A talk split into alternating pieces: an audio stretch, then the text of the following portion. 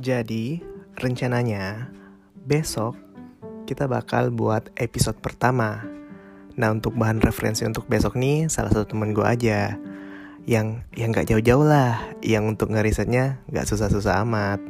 Nah, buat episode pertama, besok kayaknya kita akan bahas tentang serigala terakhir. Kira-kira tahu nggak siapa sih kira-kira serigala terakhir yang gue maksud? Lihat aja besok ya.